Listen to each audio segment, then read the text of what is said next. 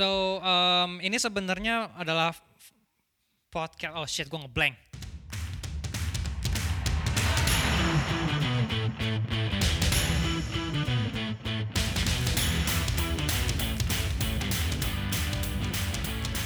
Welcome to First Life Podcast. Perkenalkan gue Reynald Gue Darius. dan Kita udah kenalan selama 12, 12 tahun ya. ya.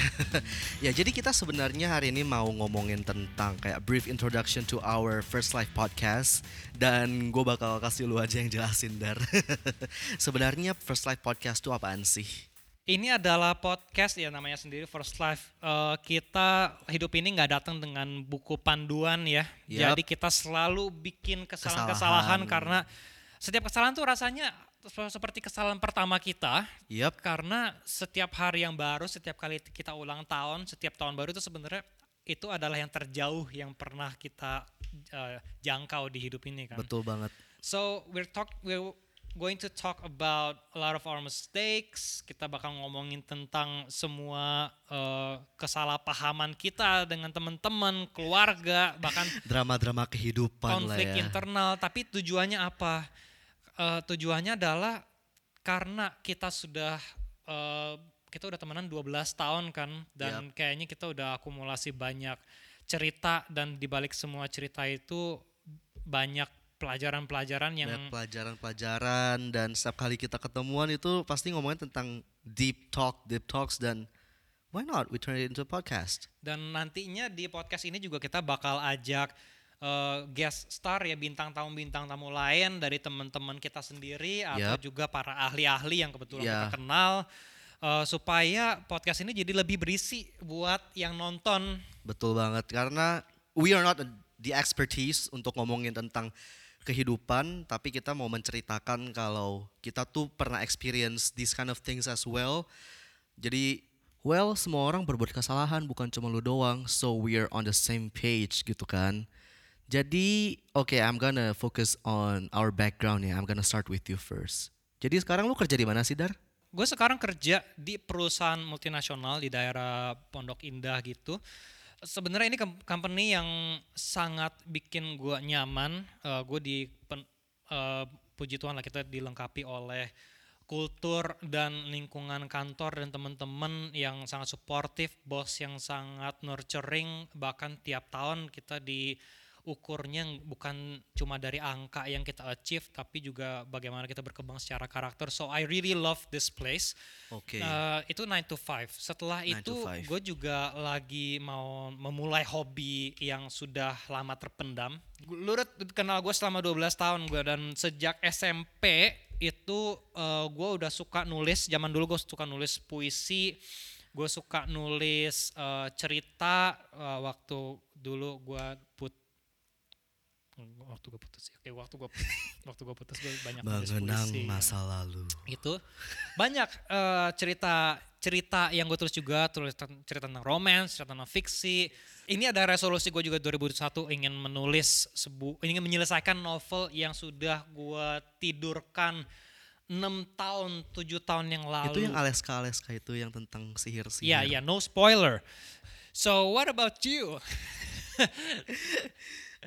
About me, jadi oke, jadi gua satu sekolah kita kenal dari drama, not a drama club tapi dia bikin drama dan gue dipercaya untuk menjadi aktor di drama tersebut.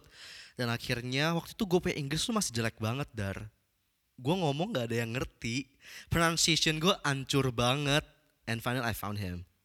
Dan dia ngajarin gua bahasa Inggris jadi gue les sama dia. Dan berujung menjadi sebuah les kehidupan.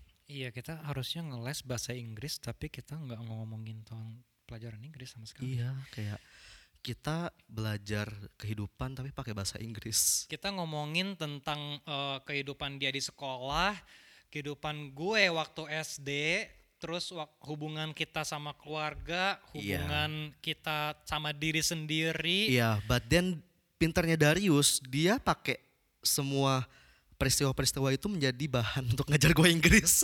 Itu sebenarnya gue ambil dari Chicken Soup kan, for Teenage Soul kan. Oh yeah, I remember that. Iya, teen, bu, teenage ini sorry ya plagiarisme. Uh, gua fotokopi chicken, chicken soupnya satu halaman dua halaman cuma buat jadi bahan belajar. Jadi bukan untuk diperjualbelikan.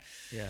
Gue masih simpan buku itu sampai sekarang. Gue suka banget sama chicken soup. Gue fans dan itu Yeah. sebenarnya chicken soup itu adalah salah satu buku panduan pertama Kehidupan. kita tentang hidup dan itu sebenarnya yang bikin kita mulai ngomongin tentang hidup. Iya, gitu. kita mulai ngomongin hal-hal yang aneh, dia receh sampai mendadak kayak nangis-nangisan ada juga Iya. lah. 2020 ini how's life treating you so far? Dude, I have to start saving. 2020 bener-bener gue bokeh banget gara-gara corona. Gue gara kerjaan. Ada sih, cuman kerjaan karena gue sebagai fotografer dan videografer kan. Dan bukan gue doang ya mungkin, cuman gue merasa down banget, man. Apa yang bikin lu down 2020 ini selain I almost lost my job. Karena bener-bener gue punya pekerjaan itu tuh mencakupi gue ketemu orang dan it happen pas Januari pas Imlek ya. Dan I think that's the first industries tourism and photography di China gue itu tuh dead mati. Orang-orang langsung minta refund dan lain-lain. And I thought kayak COVID bakal selesai cepet. Ternyata bulan Maret ya kalau nggak salah. Kita lockdown. Dan Iya. gua nggak ada pemasukan sama sekali. Dan spending gua waktu itu tuh gila banget. Gua nggak ada tabungan. But alhamdulillah gua survive 2020 cuman life lessons yang gue dapetin adalah harus lebih banyak menabung ya. Terus lu spend keuangan lu itu tuh untuk oh, barang-barang yang lu perlu aja bukan apa yang lu ingin karena lu merasa gak sih kadang-kadang lu lihat kayak aduh gila gue pengen banget gue pengen banget gue pengen banget impulse buying Hmm, jadi ya harus bedain want sama need. needs want and needs itu yang gua belajar banget sih karena ujung-ujungnya kayak kalau lu beli barang-barang yang lu mau doang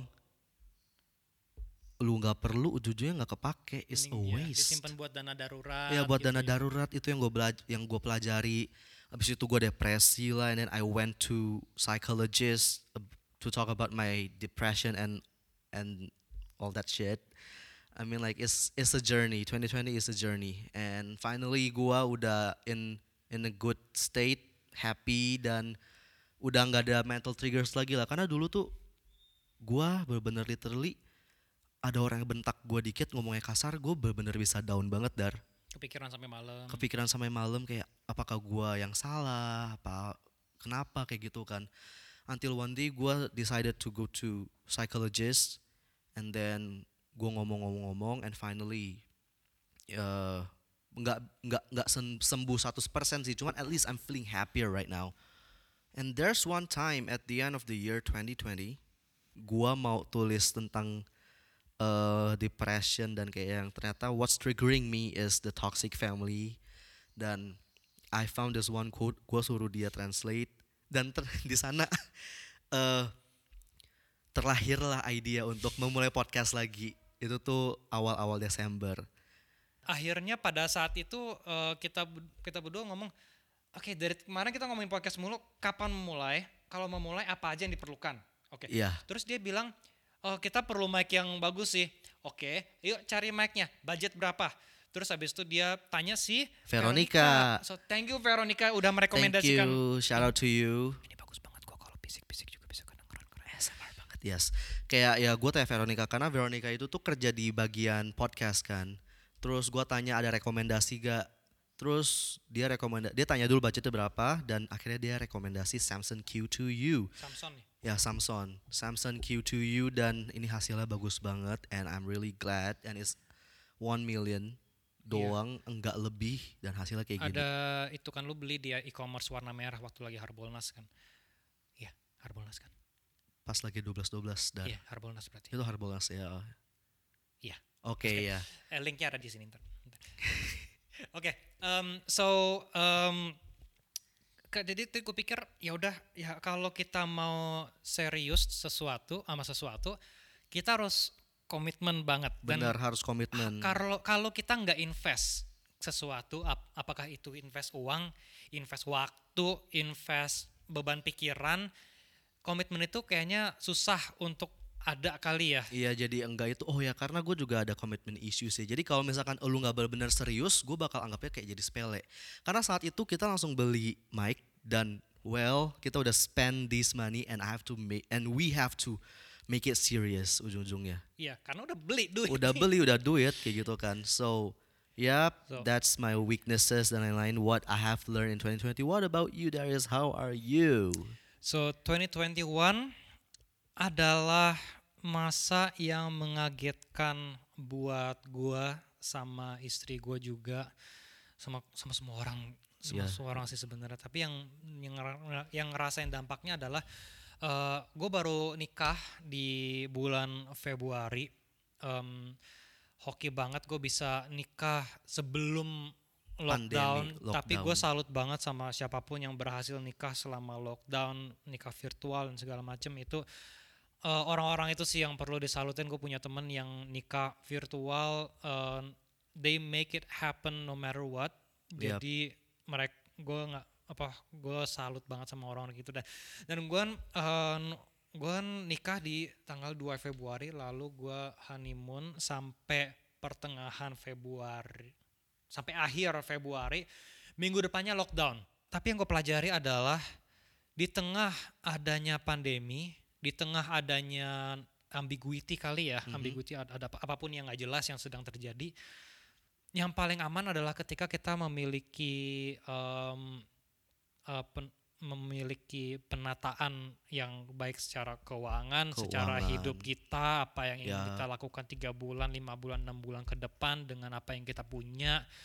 It malah tahun dep- tahun 2020 itu membuat gue menjadi begitu terstruktur, begitu ke schedule eh, be- karena gue juga kerja dari rumah, gue jadi sangat menata waktu, menata keuangan karena keuang karena uang yang terbatas dan itu kayaknya mengubah mindset gue menjadi lebih em, mungkin bagi beberapa orang agak saklek, gue jadi nggak bisa spontan lu. Mungkin dulu waktu waktu sekolah gue hajar aja gitu Ya kan hajar aja. kayak sekarang gue mau gue mau nulis novel pun gue bikin jadwal gitu setiap Ya. setiap hari Sabtu jam berapa gitu kan I guess that's what you called kayak mature maturity. Eng- enggak me- mungkin um, mature itu kayaknya su- sebuah em, sebuah topik yang luas ya salah Oke. satu yang yang gue baca dari eh, buku em, adalah maturity adalah ketika kita bisa em, memfilter apa yang di pikiran kita itu menjadi kata-kata yang lebih baik gitu jadi kita kita memilih res- cara kita merespon memilih kata-kata kita itu kan bagian dari maturity kan Oke. Em, m- mungkin kalau ini dari segi apa pun itu harus terencana. Mhm. Ke- Bahkan nulis podcast ini gue udah harus pakai naskah. Ya ada naskahnya dan lain-lain. Mungkin malah setiap hari di kerjaan kantor gue, setiap setiap sebelum tidur, gue udah mendaftarkan apa aja pekerjaan yang akan gue selesaikan besok.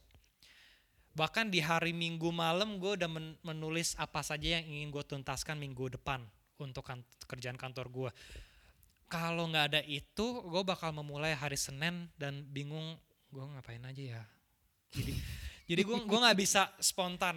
Em, em, jadi it- itu em, cara gue beradaptasi di 2020 karena kalau gue eh, nggak menata diri, nggak organized di tengah ambiguity, mungkin penyakit gue yang panikan bakal makin parah karena gue kan panikan sejak gue sejak gue SD itu gue tipenya panikan gue nggak dikasih uang jajan aja gue stres. Bokap gue lupa kasih uang jajan walaupun waktu itu cuma goceng tapi gue stres gitu kan sampai sampai bingung mau nangis mau makan apa gitu gue inget banget gue masih inget banget em, pe- apa eh, pe- pedagang kaki lima yang kenal sama gue dan dia kasih gue mie ayam gratis karena gue nggak bawa uang jajan gitu. jadi gue gue sangat apa itu yang ngajar itu do, yang gue pelajari di 2020 lalu apa apa yang ingin lu lakukan di 2021 Di 2021 ya. Well, harapannya sih kayak untuk gua sendiri ya. Gue mau lebih lebih bahagia aja sih sebenarnya. That's my kayak a lot of people ask me about my New Year's resolution like I just want to be happy mentally. Apa pun itu yang, yang penting lu lakukan apa yang lu sen- bahagia gitu. Ya apa pun karena karena menurut gua kayak here's here's the difference. Darius orangnya tertata banget kalau gua orangnya spontaneous and it also affects my mood. Kayak gua kerja sesuai dengan mood gua kan. Kalau lu kayak whatever ha- reasons gua tetap harus selesain kayak gitu. Ya memang dua polar yang berbeda kayak gitu kan. And one mental health-nya nggak stabil yang satu mental health-nya stabil.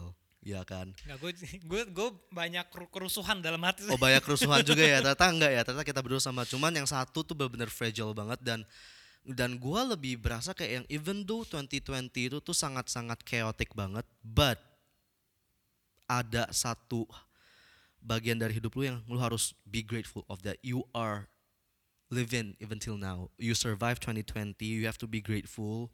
Gue mau lebih happy aja gue gak mau ngeluh-ngeluh terlalu banyak. Karena gue mungkin dulu kayak yang apa-apa kayak yang eh, kayak gimana ya rasanya emotionally rusuh gitu loh. Dan gue mau ledakin gitu tapi sekarang kayak lebih sadar aja kayak everything happens for a reason dan I have to be more grateful for it jadi in a sense gue juga lebih peaceful gue lebih happy gue nggak demand more gitu loh Jadi nggak ingin memiliki keinginan yang banyak karena keinginan itu bikin lu jadi nggak pernah puas. Iya karena kayak ujung-ujungnya misalkan contohnya kayak gini nih.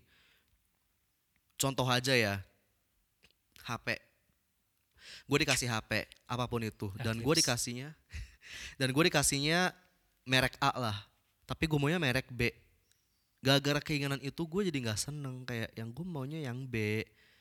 But I think that's because you don't feel grateful enough makanya lu jadi kesel kan. If you feel grateful enough lu dikasih HP A lu juga happy-happy aja as long as it's a phone gitu kan. Iya, iya. Jadi eh, yang mungkin kalau gue rangkum mengganti kalimatnya I will be happy if If diganti dengan I am happy now because. yes, I'm happy now because I'm feeling grateful and I want to live every moment of my life without any complaints. Itu mengingatkan gue sama satu film yang lagi ada di Dis- Disney Disney Plus tuh namanya Soul. Oh soul ya. Oh damn, talking about that movie, pas gua nonton akhir-akhir gue nangis. Iya. Just because like that last part karena itu No spoiler ya. ya. Karena that last part bener-bener pas gua nonton gue digaplok banget sama kata-kata yang simple itu dan gue Iya, langsung mungkin spoiler ya. Eh, no, no spoiler, sorry.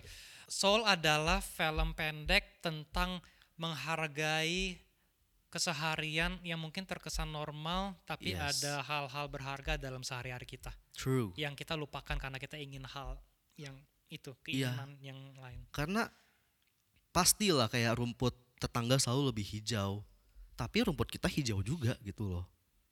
Gak, gak usah banding-bandingin hidup lu sama hidup orang lain. Kayak hidup lu ya udah hidup lu aja gitu kan. Mungkin tetangga punya rumput lebih hijau karena mereka sering siram. Kita Iya. terlalu kita nggak siram rumput sendiri karena terlalu sibuk mikirin Hal rumput lain, iya. Karena kita lihat kayak, aduh dia lebih hijau, kok gue nggak hijau-hijau sih? Kita lebih fokusnya kayak kenapa nggak hijau-hijau? Without initiative untuk bikin dia hijau Iya, gitu kan. apa? Jadi karena kita mikirin problemnya tanpa mikirin what should I do? Iya, What can I do? Karena kan ujung-ujungnya ya, there is always something we can do. mhm, very true. Kar- Kita terlalu banyak merenung dan ber- bersedih hati gitu. Mhm. So um, so I guess 2021 lu udah punya resolusi untuk enjoy the smallest things in life. Yep. How about you? Kok gue baru cek darah akhir tahun 2020. Um, gue found out kalau ternyata kolesterol gue high risk ya di atas di atas Di atas 130. rata-rata Ya, lah. di atas rata-rata itu tinggi res- kolesterol tinggi gue nganggap remeh makanan-makanan berminyak yang begitu enak.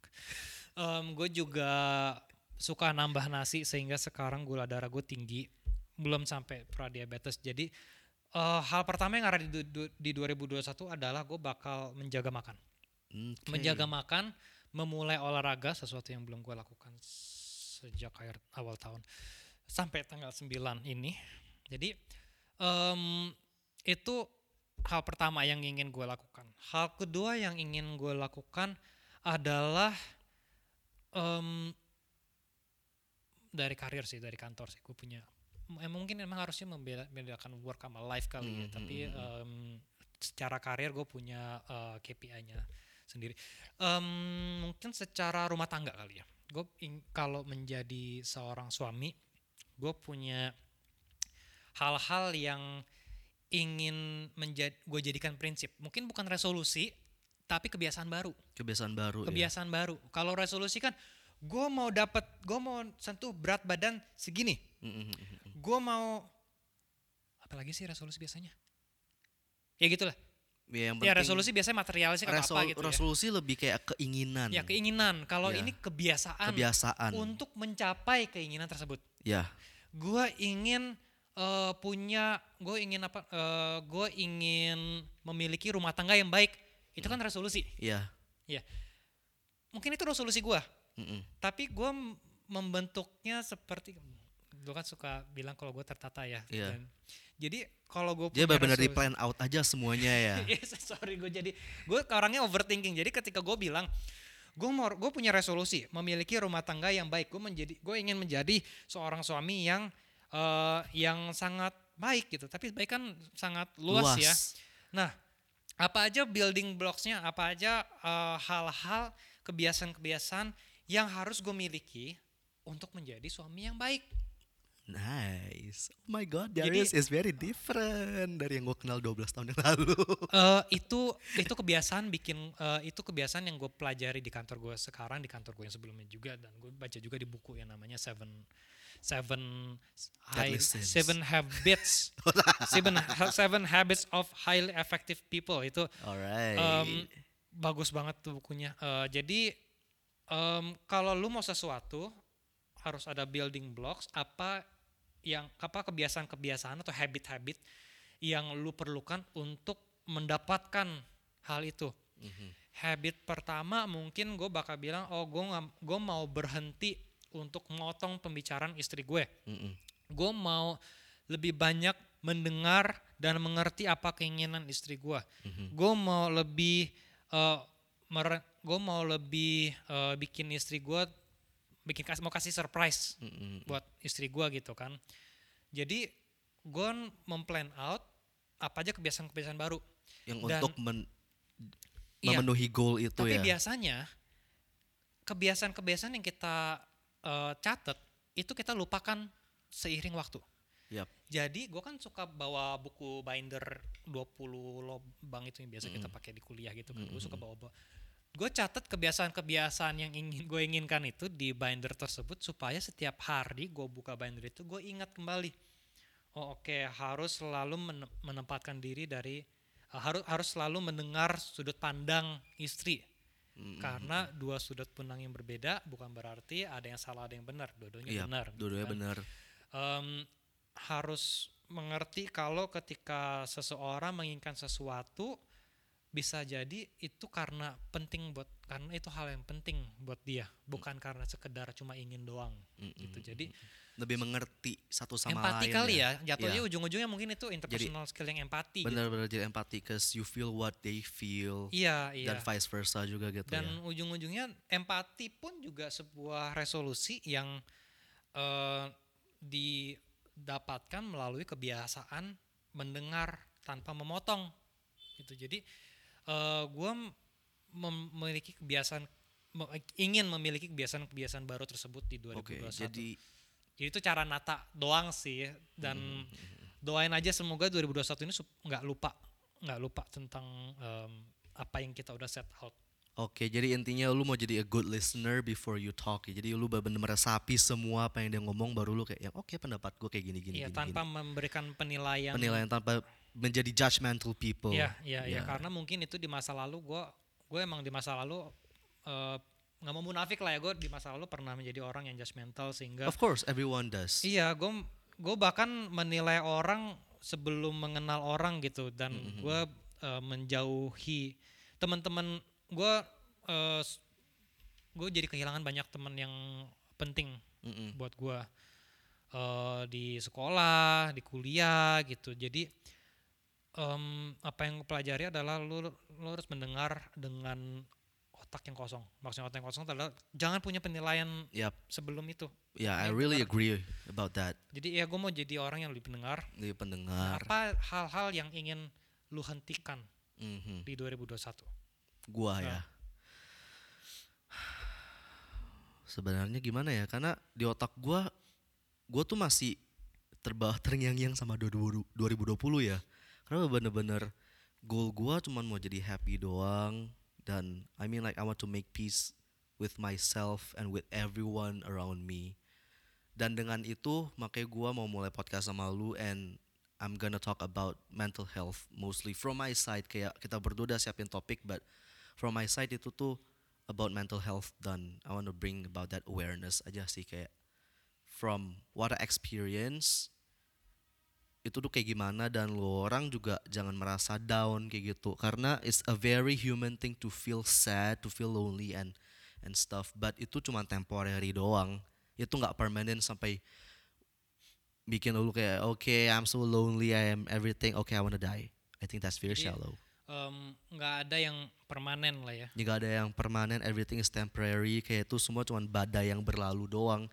Cuman prosesnya yang memang gak enak but you'll get there someday to reach that level of happiness which is gua sekarang I'm not like 100% happy but I'm udah mulai reaching that level in a sense gua udah mulai bisa menghargai hidup dan ya yeah, you know it's very different setelah gua ke psychologist Apa ini menarik sih. Lu gua kan gue sendiri nggak pernah ngomong sama seorang psikologis untuk min- untuk berkonsultasikan.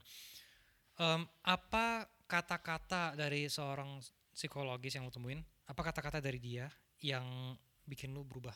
ini juga lucu karena ekspektasi gue sebelum ke psikologis itu gue kayak yang oke kayaknya gue bakal di apa namanya bakal dibikin nangis ya which I cried but Kayak zaman retret waktu sekolah. ya gue nggak pernah retret sih cuman ya well kayak gue kirain gue bakal ditanya-tanya pertanyaan kayak interview gitu but at the end gue cerita dan gue nangis sendiri gitu kan dan dari sana gue jadi merasa lepas ke at least satu kali gue ngobrol sama orang yang ngertiin gue karena dia psychologist. Dia ngerti apa yang kita rasakan dia ngerti apa yang kita lalui dan dia bisa kasih insights. Even though dia nggak ngomong apa pun kita jadi merasa ada yang ngertiin kita. I mean like that's just the like the wow experience for me Kita perlu undang seorang psikologis jadi bintang tamu kita kayaknya. boleh boleh one day one day one day Terus em, apa yang dia katakan kalau gitu? Apakah dia cuma jadi tempat tempat tempat mendengar? Oke. Jadi I'm not gonna talk about it now karena kan kita bakal undang uh, narasumber kan ya in the next future. And I wanna ask you something like untuk dari sisi audience nih, apa yang akan lu berbuat di episode 1 podcast ini untuk ke convince that First Life podcast itu tuh beda sama yang lain?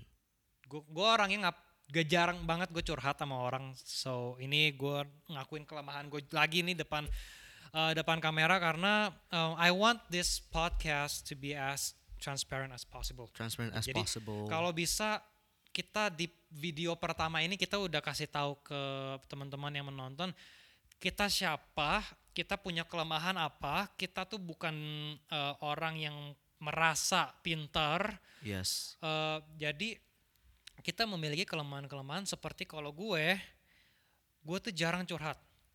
Tanya si Verly, gue jarang curhat sampai-sampai gue jadi eh, memendam Lu mendem semuanya. mendam dan em, dan apa itu membuat gue jadi minder mungkin ya bikin gue jadi minder eh, ngatain diri sendiri aduh gue kok sorry gue ngomong kasar gue kok goblok banget gitu ya bisa melakukan kesalahan ini kok gue eh, pikun banget sih sampai separah ini ya apakah gue penyakit ini ya sampai sepikun ini gitu. Jadi sampai bikin diri sendiri ngomong kata-kata negatif yang seharusnya nggak diucapkan Yes. dan itu ngatain diri sendiri Yes. sehingga gue jadi benci diri sendiri karena gue mendam dan gue ngatain diri sendiri Yes. jadi itu em, mungkin kalau lu ngomong sama orang lain bisa lebih bikin lega kan Yes. gue merasa kalau gue ngomong ke orang lain, gue malah membebankan orang lain dengan gue punya keluhan. Ya. Jadi gue orangnya nggak mau bebanin orang lain. Which sebenarnya itu adalah hal yang gak bagus untuk dilakukan untuk diri sendiri. Dari based segi- on what I experience. Dari segi curhatan-curhatan ya. Iya, it's okay. Itu nggak apa-apa kalau lu mau menjadi kelihatan vulnerable ya. Gue nggak tahu vulnerable bahasa Indonesia apa. Cuman Lengah.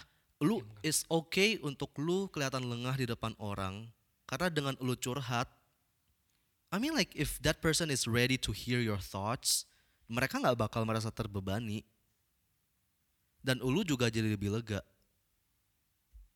Harus milih-milih juga mau curhat sama siapa ya. Iya of course I mean like mulai dari orang terdekat gitu kan ya Iya. mungkin dari siblings or or maybe like best friends Hmm. or anything but at least sekit, sekedar untuk ngerenting aja sih Hmm. Karena setelah lu lepasin lu bakal lebih lega dan for you to be vulnerable is not a bad thing. Karena gua, menurut gua vulnerability itu adalah sesuatu yang sangat eh kuat ya. Lu harus menjadi orang yang kuat untuk menjadi vulnerable. Wow. Kata-kata yang dalam. Harus ada subtext untuk jelasin bilang. Ya, jadi through this podcast gua berharap kalau kita tuh bisa bring the good impact dan positivity juga and all of the awareness that we all faced in this world and yeah. Hmm, Dan jadi eh, mungkin di setelah podcast ini selesai di editing kita bakal eh, kasih lihat ke teman-teman kita juga untuk minta untuk minta masukan. review dan lain-lain Eh, ya. pasti pasti banyak banget sih yang perlu diperbaikin. Jadi Yes, ya betul. balik lagi ini juga pertama kali bagi kita untuk berbicara dengan eh, para pembaca. Jadi mungkin eh, pen- pendapat-pendapat dari pembaca itu juga hal yang baru buat kita. Itu Ya. adalah pendapat yang baru pertama kali kita dengar. Yep. Mungkin kri- eh, kritik atau sarannya itu adalah eh, saran-saran yang pertama kali kita nggak dengar dan kita nggak kepikiran. Jadi eh, anything lah sebenarnya untuk kita improve. Please let us know. Dan itu adalah episode pertama kita ya. Yes, that's our first episode. Em, ke depannya di episode-episode selanjutnya itu kita bakal ngomongin tentang baik lagi ya eh, habits kebiasaan-kebiasaan yang ingin kita hapus Benahi, ya kan? Ya.